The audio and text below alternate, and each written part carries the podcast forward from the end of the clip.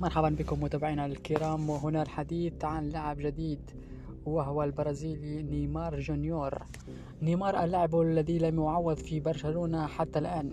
أموال انتقال نيمار من برشلونة ضاعت بدون فائدة كيف حاول برشلونة تعويض اللاعب بأربع نجوم؟ وأين مصيرهم الآن؟ بدلاء نيمار في برشلونة. لماذا فشلوا؟ في أغسطس من عام 2017 كسر الرقم القياسي في عالم الانتقالات بعد التوقيع مع نيمار قادما من برشلونة بقيمة 222 مليون يورو. الصفقة التي غيرت عالم الانتقالات في كرة القدم وكانت البداية لشرارة ارتفاع الأسعار. كان رحيل نيمار صدمة قوية لنادي برشلونة بعد أن شكل ثلاثي مرعب مع سواريز وميسي ال MSN لكن كان انتقال نيمار رائعا من الجانب الاقتصادي حيث فعل باريس سان جيرمان الشرط الجزائي في عقد نيمار والبالغ 222 مليون يورو. بارتوميو أغراه المبلغ الكبير المقدم لنيمار ربع مليار. رحيل نيمار إلى PSG في شهر أغسطس. قبلها بأسابيع برشلونة تعاقد مع الظهير الأيمن سيميدو قادما من بنفيكا البرتغالي بقيمة 35 مليون يورو بالإضافة للاعب مارلون ونجم الأكاديمية البرشلونية ديولوفيو.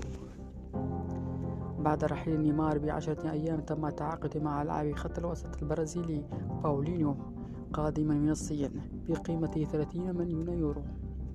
مع نهاية أغسطس بدأ برشلونة بالتحرك بحثا عن أسماء ثقيلة في الانتقالات وكان عثمان ديمبيلي النجم الذي انتشر اسمه بشكل كبير في بوروسيا دورتموند تحت قيادة توخيل. قد دخل القائمة. المشكلة التي واجهت برشلونة أن جميع اللاعبين يعرفون كم كسب برشلونة من انتقال نيمار. لذلك أصبحت الأندية تضغط على برشلونة لرفع الأسعار. لاعبيها ومن هنا بدأت إدارة بوروسيا بالتفاوض مع برشلونة حول عثمان ديمبيلي والمبلغ الذي اتفق عليه هو 140 مليون وهو أربع أضعاف قيمته حين انتقل إلى بوروسيا.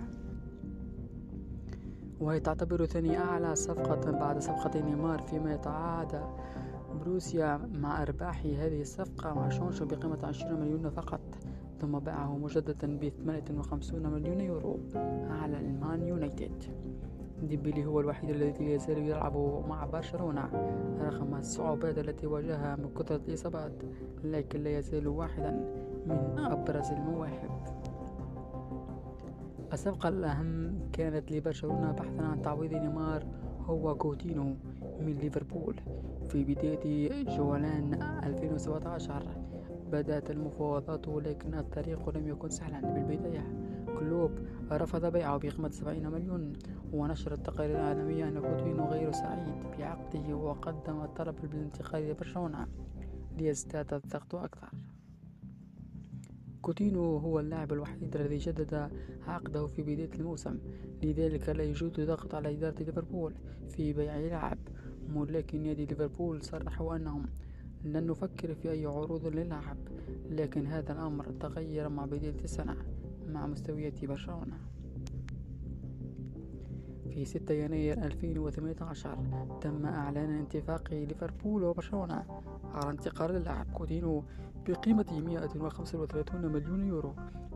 تخيل معي الفرق الكبير بين أول عرض قدمه برشلونة 70 مليون وبين ما وصل إليه قيمة اللاعب في الانتقالات الشتوية بداية كوتينو كانت جيدة نوعا ما وكان ضمن الفريق الذي حقق لقب الدوري في موسم 2018 وموسم 2019 وكان مناسبا لخطة فالفيردي مع برشلونة.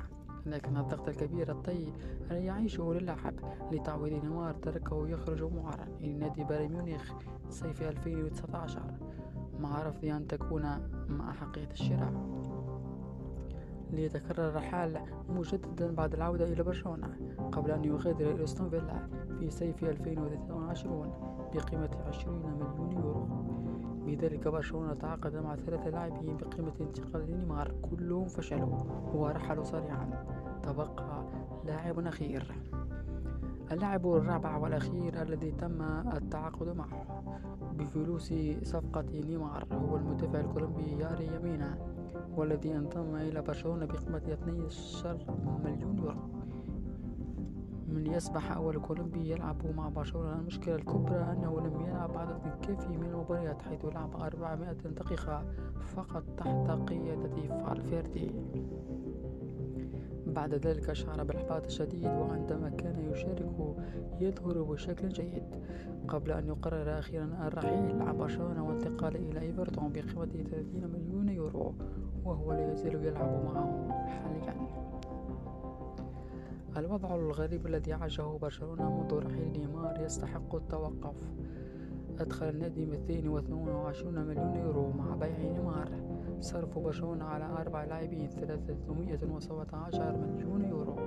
قام ببيع ثلاث لاعبين من أصل أربعة لاعبين بمجموع 92 مليون يورو بخسارة 225 مليون بالمختصر فلوس صفقة نيمار ضاعت ببلاش.